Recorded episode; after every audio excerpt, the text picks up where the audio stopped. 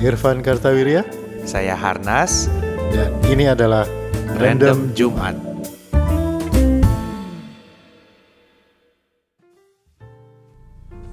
Halo, halo, selamat hari Jumat. Halo, selamat hari Jumat. Nah. Ya, semua masih sehat? Masih ya, sehat, semua alhamdulillah. ya alhamdulillah semuanya sehat-sehat ya. Ah. Mudah-mudahan aman-aman semua. Mhm. Siapa tahu ada yang mendengarkan. Soalnya Random beberapa kali kita rekaman begini teh eh kejutan eh apa yang terjadi pada saat tayang. Siapa tahu ada yang mendengarkan Random Jumat dalam kondisi tidak terlalu sehat. Iya, Mudah-mudahan setelah mudah-mudahan mendengarkan ini jadi, Jadi sehat ya. Kalau kata orang Sunda mah agak bangbrang gitu. agak terang pikirannya Iya. sehingga kalau pikirannya terang maka eh, fisik juga jadi enak. Sekali-kali kita bahas bahasa Pak. Enggak, bukan apa-apa masalahnya. Gue tuh beberapa hari yang lalu itu baru saja mendapatkan eh, itu dapat downloadan eh, rewriting dari eh, apa penulisan ulang dari legenda Bujangga Manik. Oh iya.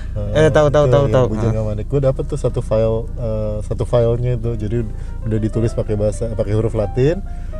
Terus ada terjemahan bahasa Indonesianya gitu. Belum sempat dibaca sih. Oh, oke oke oke. Jadi kita mau bahas apa nih? Nah di Bujangga Manik tuh ada banyak legenda-legenda tuh. Kalau nggak salah, kalau nggak ya? salah tuh Sangkuriang apa tuh ada ditulis di situ. Oh, iya? Gitu, gitu. Mau bahas Bujangga Manik. Boleh boleh boleh. bahas legenda aja lah. legenda aja. Legenda, Berarti legenda, mitos, mitos, atau gitu. legenda ya. Oke. Myth and legend. Oh. Ada gamenya kalau nggak salah ya Iya. dulu ya Myth and legend. Ini nih, kita- Berarti kita bahas mitos dan legenda ya. Iya. Ya, itu eh, buat catatan aja yang Bujangga Manik itu gue belum baca sih. Iya, iya. Baru download gitu. Ini statusnya sama kayak Gue tahu dari Twitter mana kayaknya gue follow juga deh. Enggak bukan dari Twitter, gue nge-browse. Oh, lu nge-browse. oke, oke, oke. Gue nyari. Jadi eh, makanya kalau beberapa hari terakhir ini gue sering menggunakan bahasa-bahasa yang aneh. bahasa Sunda yang aneh-aneh itu karena Iya. ya salah satunya terbaru. Gue baru baca baru baca sebagian maksud gue belum baca sampai habis gitu Hmm. karena susah bacanya. iya. bacanya susah jadi eh, ya yang unik itu ternyata karena ya ini kalau sedikit ngomongin yang yang apa bujangga manik itu eh gue nggak tahu ya kalau gue baca baca apa, huruf Jawa kuno gitu kan gue nggak bisa gitu. Gue bisa baca Hana Caraka gue bisa baca gitu Hmm. kayak di baju lu gitu gue bisa baca. Hana sekarang lagi pakai baju ada Baju mana cara Hana Caraka. itu itu gue bisa baca. Tapi kalau dia eh, huruf kuno gitu gue nggak bisa baca. Satu. Yang kedua kalaupun dia ditranslasi ke bahasa Indonesia ke huruf Latin Hmm. ditulis ulang ke huruf Latin gue tetap nggak ngerti artinya apa gitu. Nah. Nah, tapi kalau yang Sunda ini begitu dia ditra- di- di- ditulis ulang pakai huruf Latin beberapa kata tuh gue mengenali gitu Hmm. jadi kayak kayak mungkin nggak tahu ya mungkin bahasa Sunda da- kuno sama bahasa Sunda sekarang tuh nggak terlalu jauh Nggak terlalu jauh, ya. jauh sih tapi ya nggak ter- nggak sejauh itu sampai gue nggak ngerti sebagian tuh kayak gue mesti ngerti oh oke ini artinya kira-kira ini artinya Hmm. gitu, gitu. makanya kalau gue lagi sering ngomong pakai bahasa Sunda ajaib-ajaib itu ya terpengaruh deh Iya. dari kitab ini Termasuk Bang Brang. masuk seolah-olah habis itu gue di di, di prosedur puasa-puasa bukannya ngaji malah baca buku kitab ini Loh ini kan sesudah ngaji katanya. iya jadi ngaji Quran dulu habis itu baru ngaji Iya. Manik Ujang gak manik. Oke kita ngomongin myth and legend bedanya apa sih legenda i- aduh mesti nggak tahu Mitos secara ya. definisi mah gue nggak tahu dah tapi kalau mitos itu kan kepercayaan ya oke kalau kalau legenda, itu cerita-cerita cerita, gitu. Oh, iya oke. cerita-cerita menurut gue nggak tahu juga sih Iya, gue iya, iya. tapi mungkin itu kita kan mitos sepakati kayak gitu aja Iya lah. kita sepakati kayak gitu aja kan mitos dan mitos itu lebih ke misalnya eh, pada saat membuat fermentasi eh, peyem atau tape itu nggak boleh dalam keadaan haid itu. Oh, itu, mitos jadi itu. sesuatu yang dipercaya orang tapi nggak ada buktinya atau belum ada Oh. buktinya gitu. Itu kan mitos ada, ya. ada bukti ilmiahnya Ah, gitu ya. belum belum ada belum gitu. ada. atau kalau legenda itu kan cerita kayak sangkuriang kayak apa ya eh, eh, legenda cerita zaman dulu gitu loh. Hmm, tentang tentang eh, apa Bandung Bondowoso yang membuat seribu candi. Hmm. Iya, iya, dalam iya. semalam gitu Itu kan. Legenda ya itu legenda gitu. Berarti mitos tuh kalau kayak apa eh, kepercayaan lah mitos teori konspirasi gitu itu masih mitos statusnya. Lu bisa iya iya. Itu tapi nggak tahu ya gitu. mitos mungkin definisinya bukan bisa dibuktiin apa enggak sih tapi apa yang dipercaya orang aja gitu. Hmm, jadi kayak, mitos tentang apa gitu biasanya kan eh, mitos itu kan oh kalau lewat lewat jalan ini harus ngelakson tiga kali Iya, gitu. betul, Itu- betul, betul. itu mitos itu ya. mitos dulu jalan Dago itu Bandung Hmm, kan disebut Dago karena sepi. Eh, dia kan eh, zaman dulu Iya, tuh iya. sepi ja- jalan Dago itu sehingga kalau mau ke sana mesti pada go-dago atau Hmm, saling menunggu, gitu. iya kalau Kalau sekarang saling nunggu tuh nunggu jalan macet soalnya. karena nggak Pada gerak. go-dago iya. Kalau sekarang Iya. nunggunya nunggu jalan gitu. Iya, itu jalan Insinyur Haji Juanda ya. Kalau Insinyur Haji Juanda, Google betul. Map nggak ada jalan dago. Gak ada ya? Gak ada itu. Adanya Insinyur Haji Juanda itu. Jadi iya. itu adalah jalan yang dulu istilahnya gitu ya pada dago gitu ya. Iya. pa- saling menunggu gitu. Betul, ya. saling menunggu, Karena saling menunggu. yang lewat gitu. Ada juga kalau legenda itu bisa bisa jadi ada ada ininya, ada ceritanya. Hmm. ada ceritanya. Jadi salah satu yang eh, apa eh, di Jakarta itu ya di kalau nggak salah di Jatinegara Hmm. ada satu daerah namanya Kampung Pecah Kulit Hmm. ya, ya Hmm. Pecah Kulit gitu. Nah ini gue dapat dari buku yang eh, ebook gratis lo bisa download Hmm. namanya The eh, A Visit to Java Oke. di di iPad kalau yang punya iPhone ya di di eh, iBook Store itu Hmm. itu gratis A Visit to Java itu orang Inggris yang datang ke Indonesia Hmm. terus cerita mengenai kunjungan dia tahun Oh, 1809 something lah gitu. Nah, ah, dulu ternyata ada orang Belanda ya, keturunan Belanda namanya uh, Peter Ebersberg gue atau kenapa Hmm. gue inget semua ini. tapi tapi itulah gue kalau legenda tuh bisa dibikin dari cerita tuh orang jadi lebih gampang inget gitu kan. Iya, iya, iya. Nah ternyata zaman dulu yang mau memberontak terhadap pemerintah Hindia Belanda itu nggak cuma orang, Orang Indonesia, Indonesia. ternyata ada orang Belanda juga gitu. Ah, ah, ah. Kalau nggak salah Peter Ebersberg ini orang Indo atau keturunan ada keturunan Indonesia-nya apa enggak gue nggak tahu ya. Yang jelas dia nggak suka sama pemerintahan Hindia Belanda dan sempat mau memberontak. Jadi dia uh, ajak teman-temannya orang Belanda yang mau memberontak juga. Terus sama sama Belanda ditangkap, sama pemerintahan Belanda ditangkap sebelum kudetanya terjadi dia ditangkap dan dia dihukum dengan cara ini udah lama ya Hmm. kayak film-film silat itu loh Hmm. jadi kaki tangannya diikat pakai kuda terus kudanya disuruh lari, Lari. ke empat area yang Oh. berbeda nah Oh. itu di di eksekusinya di daerah Jatinegara Hmm. Yang akhirnya jadi nama pecah Pecah kulit. Nah. gitu. Karena mungkin kulitnya pecah gitu Iya, kan. iya. jadi, jadi saking traumanya orang-orang Iya. melihat Kejadian uh, itu. kejadian itu tempat itu dinamain kampung pecah kulit gitu. Itu menurut gua nama-nama tempat tuh mitos gitu ya. Kenapa satu tempat namanya Cisayur Cisauk gitu. Kenapa satu tempat namanya apa Itu gitu. legenda itu ya berarti itu Legenda tuh mitos. mitos kalau menurut gua kalau menurut gua kalau ada sejarahnya berarti berarti dia sejarah sebenarnya itu. Iya ya Eh, jadi bukan bukan tapi kan kita nggak tahu itu beneran uh, ya mak nggak tahu juga Beneran ya. sih Ya, kalau beneran itu ya kalau itu beneran ya beneran. berarti Iya. itu bedanya Itu antara sejarah. sejarah mitos dan legenda. legenda. Bedanya kalau sejarah itu ada bukti bukti otentiknya lah, baik Iya. tertulis, terrekam atau tercatat gitu ya. Tercatat tuh maksudnya ada ada yang ingat atau Iya. ada yang ini. Tapi kalau kalau legenda gitu dah sekarang mah nggak pernah ada orang yang pernah yang sekarang kalau itu "Oh, iya gue tahu keturunan gue kakek buyut gue dan seterusnya itu pernah ketemu sama sang kuryang. Gitu kan enggak gitu. Tapi kalau itu mungkin gubernur jenderalnya siapa masih bisa dilacak gitu Iya, kan. iya, dan, iya, iya. Dan seterusnya bahkan lokasinya pun masih bisa dilacak. Cuma kadang-kadang kenapa itu nggak jadi sejarah mungkin karena udah uh, di masyarakat adanya tinggal ceritanya doang Hmm, gitu. Tinggal iya. tinggal tinggal mitosnya doang Iya, gitu. iya, iya, iya. Wah, mungkin ada beberapa mitos yang terus ketemu buktinya kan. Kayak pitung gitu kan. Nah, Si Pitung si ya. Pitung itu kan juga ada yang bilang itu sejarah, ada yang bilang itu legenda, ada Iya. yang bilang itu mitos gitu. Iya, Maksudnya, betul. Ah nggak ada pitung itu bukan, itu bukan sejarah. Tapi ada yang bilang enggak itu sejarah, cuma dulu namanya bukan itu, namanya ini ini ini segala macam. Sampai ada yang bilang kan pitung itu sebenarnya eh, bukan nama orang tapi nama sebuah gerombolan misalnya kayak gitu, Oh, macam-macam. Nah itu ya itu pergeseran dari dari sejarah ke ke legenda sampai apa, jadi mitos kemudian jadi legenda gitu Mm-mm. Nah, bahwa ada kalau ada yang bilang tapi kan ada itu rumah si Pitung di Marunda ya bilangin tapi ada juga yang bilang bahwa itu bukan rumahnya si Pitung itu adalah rumah salah satu tuan tanah yang pernah dirampok sama si Pitung Iya. gitu. dan seterusnya gue juga belum pernah ke sana sih jadi ya ya mungkin itu ya batasnya sejarah itu kalau ada bukti otentiknya gitu Iya, iya, iya. Tapi legenda itu selalu membuat menarik untuk diceritain ya. hmm. Menurut gua salah satunya tadi kan kita mulai dengan Bujangga Manik gitu ya. Hmm. Eh, salah satunya sesuatu yang berhubungan dengan kerajaan Pajajaran, Hmm. kerajaan Pakuan. Eh mungkin karena gua Iya, orang iya. dari Bandung ya. Eh, Itu membuat gua eh, apa namanya selalu tertarik gitu. Iya, iya. Di mana sih kok nggak ada keratonnya gitu kan? Ah, ah. kok nggak ada pusat kerajaannya di mana gitu kan nggak nggak nggak kayak ke Jawa tuh kan ada keratonnya Hmm. gitu kan Jawa Tengah maksudnya Hmm, hmm. eh, ada keratonnya ada Jawa Timur juga ada di di Trawulan di gitu kan, Trawulan ya. ya ada ada bekas Jala Tunda katanya gitu itu Jala Tunda itu juga istilah apa kolam Jala Tunda kan gue pernah ke sana tuh jadi pusat kerajaan kononnya dulu adalah tempat pusat kerajaan Majapahit ya Hmm. Majapahit.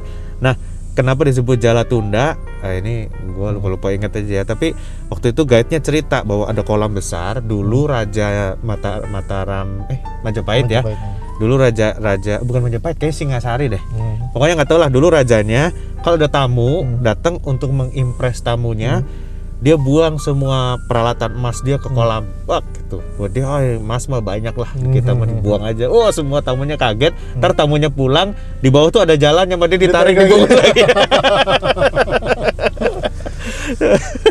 jadi itu namanya jala tunda Oh. apa jala di- di- ditarik lagi. Itu Jadi, ceritanya. itu ceritanya mitosnya. Itu mitosnya. kolamnya sih ada. Nah itu nah, itu Nah, itu. Ah, antara mitos dan sejarah gitu ya. kolamnya mah ada gitu tapi eh, apakah namanya jala tunda gitu? Ya, apakah itu itunya? Nggak tahu juga tuh tapi gue pikir oh iya bener juga kolam gede juga. Jadi di atas itunya ada di eh, rajanya duduk di atas gitu di bawahnya ada kolam itu di, di ditarik gitu. Jadi Iya, jadi itu politis itu zaman dulu juga udah gitu ya. Bapak, Bapak mengimpress eh, Iya mengimpress gitu, jadi katanya gitu. Dan gue selalu tertarik cerita-cerita kayak gitu gitu. Gue pernah inget pernah di Cirebon itu ada eh, kalau lu masuk ke Keraton Kanoman ya, ke- eh, dia kan ada dua keraton Iya, Kasepuan Kanoman, sama Kanoman. Gue lupa eh salah satu itu ada patung singa gitu Hmm. di tengah tengah pelatarannya itu ada kayak air mancur terus ada patung singa dua. Dia bilang patung singa ini singanya teh mukanya bunder Hmm. ya kayak simbol kerajaan Cirebon gitu. Nah dia bilang itu adalah salah satu eh, peninggalan dari kerajaan Pajajaran.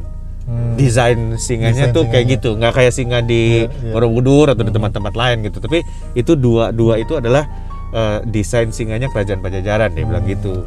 Gue bilang ih, ih menarik juga ya. Jadi jejaknya tuh udah Iya. udah jarang kan gitu. Iya, iya bener sih. Tapi itu tadi lu bilang juga ya kalau di Jawa Barat tuh nggak nggak ada gitu ya keraton keraton bekas atau candi yang yang besar kompleks gitu ya yang kayak kayak itu kayak kayak misalnya tadi Trawulan atau apa gitu ya Hmm. nggak nggak ada gitu padahal kita dengar kerajaan Galuh Pakuan Pajar ya prasasti sih ada gitu. Iya. prasasti ini prasasti itu ada batu tulis ada yang lain.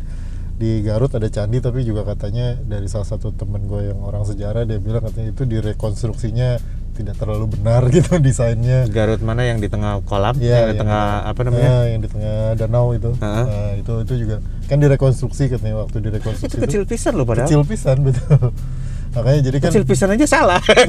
Sih? sama rekonstruksi siapa sih katanya mending kalau gede gitu ya. Cuman kayaknya cuma setugu Iya, doang kan? satu- eh. nah makanya terus di di yang lain tuh kayak kita nggak punya gitu. Jadi candi apa namanya ya? Cangkuang. Cangkuang betul ya itu Ya. gua kesel banget tuh ngikut tur kuliner Jalan Ya, Sutra tuh. Kenapa? karena di deket candi cangkuang itu Hmm. Jadi di pelabuhan untuk menuju ke Ke candinya itu. ada restoran enak Hmm. pepes ikan mas atau apa gitu loh kita gue pikir tuh kita ke candinya ternyata enggak sih makan pulang lagi. Gue kesel pisan sama panitanya gue bilang itu udah tinggal di situ lu nggak ke sana? Enggak enggak abis ini kita mau ke Manjabal. Duh kesel kalau ikut tur budaya sama tur kuliner. Jadi akhirnya sampai sekarang gue nggak pernah ke candi Muara Takus padahal udah sampai di situ udah deket gitu gitu. Itu tinggal ti- eh candi Ca- Cangkuang ya. Hmm. itu tinggal deket lu nggak mau nyebrang aja. Enggak enggak abis ini kita makan lagi kesel pisan gua. Iya di Jawa Barat tuh nggak nggak ada ya. Mungkin karena mungkin ya dari salah satu yang gue pernah baca juga adalah karena model model kerajaannya beda gitu antara jadi kerajaan Sunda itu banyak kecil-kecil tapi banyak. Beda kayak di Jawa Tengah atau Jawa Timur yang bentuknya tuh kemaharajaan gitu. Hmm. jadi eh, kerajaan tuh besar gitu. Kalau di Jawa Barat tuh lebih kayak federasi gitu. Jadi kerajaan tuh banyak kecil-kecil gitu. Soalnya gue tuh pernah salah satu yang gue baca tuh dari pusat pemerintahan eh, kerajaan Galuh Pakuan yang wak- waktu masih di Bogor kalau nggak salah itu ke Sunda Kelapa jadi ke ke Jakarta itu. Itu naik kuda tiga hari dan itu melewati tiga kerajaan kecil gitu. Jadi Oh. bah- bahkan dari Bogor sampai ke sampai ke Sunda Kelapa itu sampai ke pelabuhan aja itu ngelewatin tiga kerajaan kecil gitu jadi kerajaannya emang kecil-kecil gitu jadi wajar kalau tinggalannya Berarti dulu ya- istilahnya akak apa itu antar kota antar kerajaan kerajaan. Eh, naik kuda Sekarang tiga hari akap. Sekarang juga tiga provinsi kan Banten, Iya. Bogor, Jakarta. dari Bogor ngelewatin Mungkin itu kerajaannya. dari Bogor eh, itu ngelewatin Banten misalnya ya iya, kalau iya, kalau dia iya. dari arah Bogor yang sebelah deket barat Iya. kan dia mesti ngelewat Banten dulu baru lewat Jakarta. Parung Cisauk Dan nanti kena dari dari Kabupaten Tangerang ke Tangerang Selatan Iya. Terus ke Jakarta Selatan, Jakarta Barat, Jakarta Utara Iya. sorry iya jadi eh, apa eh, kerajaannya itu kecil-kecil gitu. Hmm. jadi wajar kalau ternyata setelah setelah beratus-ratus tahun kemudian ya nggak ada tinggalannya karena terlalu kecil gitu. Mungkin ya gue juga nggak tahu nih. Cuman suka aja baca-baca sejarah-sejarah Hmm, tapi eh, apa ya kalau menurut gua gua sih nggak tahu eh, antara bahasa Sunda sama bahasa Hmm. Jawa gitu ya. Gue bisa bahasa bahasa Jawa gue nggak bisa Hmm. cuma bisa denger doang Eh, karena bokap nyokap gue kan orang Jawa Tengah. Eh, terus eh, mereka berdua sih Hmm. ngomong bahasa Jawa tapi karena gue lahir di Bandung dan besar juga di Bandung kalau gue mau ngomong bahasa Jawa dulu bokap gue bilang udah kamu gak usah ngomong bahasa Jawa lah gitu. Salah semua logatnya katanya. Mau kata-katanya sih bener gitu kan. Nah jadi tapi eh, yang ikut menurunkan cerita-cerita itu. Kalau menurut gue ya bahasa Sunda itu bagus sekali di deskripsi Van. Hmm. karena menurut gue banyak dipakai cerita turun temurun gitu loh. Cerita lu waktu kecil denger nggak sandiwara radio bahasa Sunda? Iya. Jadi kata-kata bahasa Sunda kalau menurut gue nih ya Hmm. Jawa itu kan bahasanya datang dari keraton gitu ya. Mhm. jadi dipakai tuh untuk misalnya kalau dia wayang itu kan ada lagunya na na na na na na, na, di- dinyanyiin gitu. Hmm. Kalau dulu kan dengar sandiwara radio itu kan dengar leg- cerita legenda-legenda Sunda lewat sandiwara radio itu kan dia ceritain makanya banyak kata-kata yang dipakai untuk mendeskripsikan pergerakan gitu. Hmm. Jol datang gitu kan. Terus na- naik kuda apa gitu kan. Gue dulu lupa inget sekarang udah lama gak dengerin gitu. Eh, jadi kalau denger tuh ada biasanya ada suara aki-aki dia. Hmm. wow wow, ya, aki teh baulan eh, gitu kan. Jadi yang ngomong sih sama aja gitu. Tapi ada yang suaranya aki-aki ada yang suaranya Iya, ada- iya, iya. Oh, kalau jadi dulu gua gua nggak tahu sekarang dengerin di mana ya. Tapi dulu gua sa- sangat seneng dengerin walaupun ceritanya fiksi kayak Iya, tutur iya. kinular lah sebagai gitu ya. Tutur Tenul ada di podcast lu sekarang. Oh ya gue pernah pernah posting di Twitter gue bilang Tutur Tenul ada lo di podcast sekarang gitu. Oh. Cuman yang yang lucu karena gue pernah denger iklan di mana gitu ya tentang tutur tinular ini. Kalau dulu kan istilahnya sandiwara radio ya. Iya. Karena sekarang di podcast istilahnya adalah cerita suara. Oh oke. Jadi bu- bukan sandiwara radio lagi karena dia bukan di radio gitu. Dia cerita suara. Iya kata gue bahasa Sunda itu brilian Hmm. untuk men- me- mendeskripsikan orang yang jatuh. Hmm, hmm. kan ada tiga brus. tiga brus. Kita jong Tita Jong Tisurelu. Ti Soledad, Ti Soledad, Ti Jengkang, ya kan? Jadi Iya. begitu dia ngomong satu kata kita tahu jatuhnya seperti apa gitu. seperti apa gitu. Ti, yang tiga brus berarti Eh, kejeblos, Ti Soledad kesandung gitu kan, Ti Kusruk Eh, nge- depannya dulu, depannya kepala dulu, gitu, Ti Jengkang ke belakang gitu. Jadi waktu dia eh, apa mendeskripsikan cerita legenda Hmm. turun temurun gua kebayang gitu ya di, duduk di ruangan keluarga terus Hmm. kakeknya menceritakan sesuatu ke cucu-cucunya gitu dan itu eh, apa adegannya tuh live sekali gitu Iya, dia bisa iya. bayangin gitu kayak Iya. apa gitu kan gitu. Iya, iya. kalau Jawa kan lebih ke lambat eh, apa lebih ke apa ya se- seperti sastra gitu loh Iya. ya kan Dia bukan lebih- sesuatu yang yang menceritakan perasaan ya. menceritakan perasaan terus kedalaman kata-kata Iya. pokoknya duduknya mesti mikir gitu kan Iya. kalau bahasa Sunda untuk cerita anak-anak itu dia lebih lebih Animated gitu. iya animated gitu animated dan itu legenda kan turun temurun begitu Iya, kedengarannya diceritakan ya, diceritakan uh, oleh uh, satu generasi ke generasi selanjutnya gitu. Mm-mm, ya. mm-mm. Ya secara secara verbal namanya juga diceritain, makanya nggak ada nggak ada bukti sejarahnya juga. Biasanya terus di bukti sejarahnya ada itu bukti sejarahnya. Itu tangkuban perahunya masih ada sampai sekarang. Iya. Gunungnya mah Iya. cuman kalau digali di scan sampai dalam nggak nggak ada perahunya mah Iya nggak ada nggak ada. Ini kan dari perahu terus jadi, gunung lama-lama jadi gunung gitu. Nggak juga sih kalau di scan sampai dalam juga nggak nggak ada perahunya gitu. Iya. Kayak legenda-legenda yang yang mencoba dibuktikan itu kan kayak akhirnya jadi jadi ya apa ya jadi terdengar seperti pseudoscience gitu di, Iya. di istilahnya dicocok-cocokin lah gitu iya iya kayak lu pernah lu bukannya pernah ke itu ya Gunung Padang ya nggak belum pernah gua. pernah? lewat depannya Gunung lewat Padang depannya ya lewat lewat ke pabrik air iya pabrik air depannya Gunung Padang gitu Nah itu kayak Gunung Padang itu kan, em, ya itu itu itu ada situs situs Hmm. sejarahnya ada, tapi kemudian eh, ada juga legenda yang kemudian dicocok-cocokkan dengan sejarah itu gitu. iya jadi, betul jadi aneh gitu kalau menurut gua. Ya jatuhnya ya mungkin ya dari di legenda atau mitos gitu. Iya. Mitos, oh itu kan dulu di sini ada gini ada gini ada gini gitu. Mungkin enggak gitu nggak Iya. tahu. Nah bukti sejarahnya belum ketahuan ya kalau orang bilang kan katanya di Gunung Padang tuh ada piramid di bawahnya gitu. Ya kalau gue pikir mah gali aja tuh ya. Iya. kalau lo mau tahu bener di dalamnya ada apa enggak gitu. Gali satu titik yang agak dalam kan kita teknologi ngebor mah jago Iya, gitu dari tapi oh, mesti sam- panggil orang arkeologi Iya, jangan asal benar. gali problemnya kan kita Justru gitu itu. asal gali orang arkeolog bilang eh jangan digali Gali, gitu. gitu. Nah itu, itu ada lah teknologi untuk mencari mem- membuktikan itu. Tapi akhirnya ya yang terjadi eh, menurut gue ya itu mencocok-cocokkan dengan Hmm. berbagai alasan lah gitu ya eh, penjelasannya. Meskipun ya ada juga saintis beneran yang kerja di situ ya karena memang itu situs Ya, memang arkeologi. itu situs gitu. arkeologi. Tapi eh, legenda apa yang paling lu inget Van? Legenda yang paling gua inget itu oh Atau mitos legenda apa yang paling Oh. lu inget gitu? eh gua kalau legenda legenda tuh berarti tadi kayak itu ya kayak kayak terbentuknya gunung tangkuban Iya. perahu gitu itu sih gunung terbentuknya gunung tangkuban perahu itu itu yang gua paling inget gitu Sang Kan- Kuryang ya. Ah, Ceritanya gimana sih? Lu inget gak? jadi itu ceritanya eh apa ya gue setelah memikirkan dengan seksama kayaknya Sangkuriang itu cerita Sangkuriang itu dibuat dengan dua eh, pada dua kondisi gitu satu adalah dengan kondisi memang eh, masyarakat yang sangat berbeda dengan kita sekarang gitu Hmm. yang kedua adalah yang nulis kayaknya lagi high on something gitu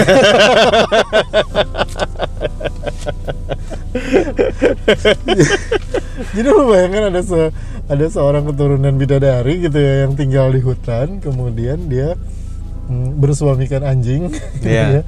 terus eh, punya anak, terus anaknya eh, berburu di hutan, eh, terus anjingnya dibunuh, anjingnya dimakan sama dia, terus eh, ibunya marah, anaknya diusir. Beberapa tahun kemudian anaknya kembali menemukan ibunya masih sangat eh, cantik dan masih muda karena keturunan bidadari itu. Terus kemudian mencoba menikahi ibunya gitu. Terus kemudian ditolak, dikasih syarat gitu ya, suruh bikin danau sama bikin perahu gitu eh, sebelum matahari terbit. Terus matahari terbit, danaunya belum jadi, perahunya ditendang jadi gunung. Ini kan butuh imajinasi luar biasa untuk lo bisa bisa comes up dengan sebuah cerita yang sekompleks itu Iya. gitu ya itu menurut gue tuh ini ini kalau nggak memang dibuat dengan sebuah imajinasi ya I think the writers is high on something gitu ya. lagi kayak kayaknya bagus nih kalau ceritanya tokohnya ini ada gunung nih bentuknya kayak perahu karena atasnya kepapras gitu kan Iya. kayaknya ini perahu terbalik. Kenapa ada perahu terbalik? Ditendang sama siapa? Sama orang. Kenapa dia ditolak cintanya? Sama siapa dia ditolak cintanya? Hmm, bagaimana kalau ibunya? Wah, kenapa? Gitu. Ken- kenapa harus? Kan bisa aja itu perempuan apa pun gitu. Iya. Seorang putri raja dia menolak gitu kan. Gimana kalau ibunya? Hmm, kenapa ibunya? Karena dia datang setelah bertahun-tahun, dia tidak mengenali ibunya gitu. Kenapa dia diusir? Oh, karena dia melakukan kesalahan. Kira-kira kesalahannya apa ya? Karena dia mem- membunuh dan memakan ayahnya. ayahnya kok bisa dibunuh? Bagaimana kalau ayahnya anjing? Ini kenapa ke situ ini Edan nih yang bikin cerita. plot twist zaman itu gitu ya Plot twist itu again and again gitu. Ini kan ceritanya kenapa dia bisa mengawini anjing itu kan karena dia sedang menenun kain terus si gulun- gulungan kainnya jatuh ke bawah rumah panggungnya terus dia bilang siapa pun yang mengambil gulungan benang itu akan aku jadikan suami kalau laki-laki gitu. Terus diambil sama anjing gitu. Gue pikir itu kan gulungan cuma jatuh ke kolong rumah ya kenapa nggak diambil aja turun gitu ambil. beneran lu perlu perlu sebuah imajinasi luar biasa gitu kata yang nulis kalau dia ngambil sendiri nggak ada cerita yang ngeri yang sampai sekarang Pan terus dibahas sama dua orang dalam sebuah podcast 2000 tahun kemudian gitu Kenapa kita inget ceritanya ya karena dia ngawinin anjing itu yang bikin semua orang inget. Kenapa ya jadi inget? menurut gue itu tuh sebuah sebuah cerita yang ya itu ya berlapis-lapis gitu plot twistnya gitu. Meskipun juga eh, apa ya ya sebetulnya itu kan peristiwanya peristiwa geologi sebenarnya kan Iya. bentuknya cekungan Bandung dan gunung Iya. gunung Tangkuban Perahu itu gitu. Tapi ya itu gue bilang bisa. Nih bikin Iya. ceritanya. Dan lu masih inget gitu sampai sekarang si cerita ajaib itu. Tapi dari dari legenda tuh ada beberapa bits on pieces ya karena yang uh, berhubungan dengan masyarakat kuno gitu. Itu yang menurut gue menarik gitu. Berarti zaman itu Hmm. paling nggak orang udah mulai ngejahit Iya, tenun. Berarti betul. dia sudah bisa bikin benang, ya kan? Berarti benangnya digulung, nah gitu kan? Berarti dipintal Berarti ada- tuh teknologi ada alat- pemintalan tuh alat tenunnya ada udah ada, alat tenunnya udah ada kan. Iya. Terus gulungnya jatuh ke kolong rumah. Hmm, Kan lu bilang gitu kalau gulungan cuma jatuh keluar mah ambil aja. Hmm. Berarti agak repot itu untuk Turunnya. turun ke bawah gitu Hmm. Berarti rumah dia rumah panggung. Hmm. Nah, kalau rumah panggung sebenarnya di Jawa Barat tuh agak jarang loh rumah panggung. Hmm. Di Sumatera yang daerah rawa-rawa gitu kan. Hmm. Itu memang sering banyak rumah panggung Kalau karena di pasang surut. Jawa Barat tuh rumahnya rumah panggung sebenarnya, tapi panggungnya nggak tinggi-tinggi amat gitu, paling Hmm. setengah meter lah gitu. Kalau di Sumatera kan tinggi kan. Iya, tinggi. Kalau di Jawa Barat tuh dia nggak napak tanah, agak naik dikit lah setengah setengah setengah meter lah gitu. Hmm. Paling sebetis gitu tingginya. Iya. Nah makanya juga gue justru itu makin membuat gue itu kan cuma segitu gitu. Kenapa nggak turun aja sih? Terus berarti yang namanya anjing tuh udah ada. Udah dipiara. udah dipiara dan dia Nah. masuk keluar rumah Iya, berarti kan familiar itu. lah ya gitu gitu itu itu apa eh, bikin perahu misalnya Iya. berarti teknologi untuk bikin perahu di zaman itu tuh Sudah udah ada ada, orang iya. udah bisa bikin dan perahunya bentuknya ya begitu Iya, ha, ya kan bukan bentuknya kayak perahu kalau lu lihat kapal-kapal di Aceh itu tuh Iya. cuman cuman depannya doang yang yang lancip Iya. yang belakangnya kepotong gitu Iya, iya, iya. jadi apa namanya trapesium ya tapi belakangnya kepotong gitu kalau kita kita kan seimbang kiri kanan Iya, gitu iya, iya. berarti bentuk perahu teh seperti itu Seperti itu, gitu bener. nah itu kata gue yang yang oke lah ceritanya ngarang ya. Iya, iya. tapi dari detail cerita itu kita bisa lihat kehidupan masyarakat zaman itu tuh kira-kira seperti apa gitu. Iya. karena dia nggak mungkin ngarang ngaco pisan. Iya, ha, ha. kalau ngarang ngaco pisan berarti he's really high on something dan kita nggak akan inget ceritanya kan gitu kan. Karena it doesn't make sense gitu. Sama itu juga eh, ada beberapa ada beberapa bits and pieces yang lo bilang tadi yang yang menjelaskan banyak hal. Salah satunya yang gue ingat adalah eh, Dayang Sumbi ini kan eh, putri yang cantik sekali gitu dia, dia Hmm. awet muda dia bertahun-tahun tuh masih sangat cantik Hmm. dia salah satu dia di, di sampai kenapa dia tinggal sendirian di pinggir hutan Hmm. eh, memenuhi kehidupannya sendiri harus nenun sendiri harus segala macam karena karena dia terlalu cantik gitu jadi Hmm. dimusuhi dewa-dewa dan lain-lain lah gitu ya macam-macam ceritanya nah salah satu penyebab kenapa Dayang Sumbi ini adalah eh, segitu cantiknya eh, dan segitu hebatnya lah gitu karena dia tuh hanya makan lalapan gitu.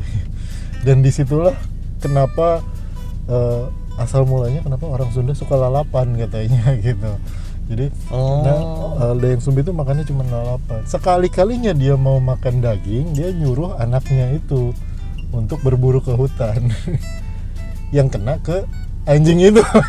Oh. jadi dia memang jarang makan daging Dia Tapi sering- abis itu dia tetap cantik kan ya? iya Berarti harus makan anjing sama lalapan. Jangan ditiru ya. lalapannya aja ya lalapan sama anjing. dia makan lalapan Paling nggak anjing nggak bikin jelek lah gitu Nah. istilahnya gitu. Jadi katanya kan orang Sunda tuh suka banget makan lalapan gitu. Ada sejarahnya kan macam-macam. Oh, gitu. macam. Nah, sejarahnya ada, ada catatan sejarahnya ada memang orang Sunda suka makan lalapan dan lain-lain. Tapi legendanya salah satunya adalah karena dimulai oleh Dayang Sumbi gitu. Dayang Sumbi itu suka makan lalapan daun-daun mentah dan rebusan Oke, Van, ini kalau ngomongin mitos dan legenda ini kok kayaknya nggak habis-habis, Van. Panjang ini, ini ini dua episode ini kayaknya butuh nih. Gitu. Lanjutin aja Pak ya. Ya, lanjutin aja deh. Oke. Ya. oke. Kalau gitu kita lanjutin di episode random Jumat berikutnya masih ngomongin mitos dan legenda. Mitos dan legenda. Oke, kita lanjutin minggu depan atau Jumat depan. Ya. Episode berikutnya lah pokoknya ya. Ya. Bye. Bye.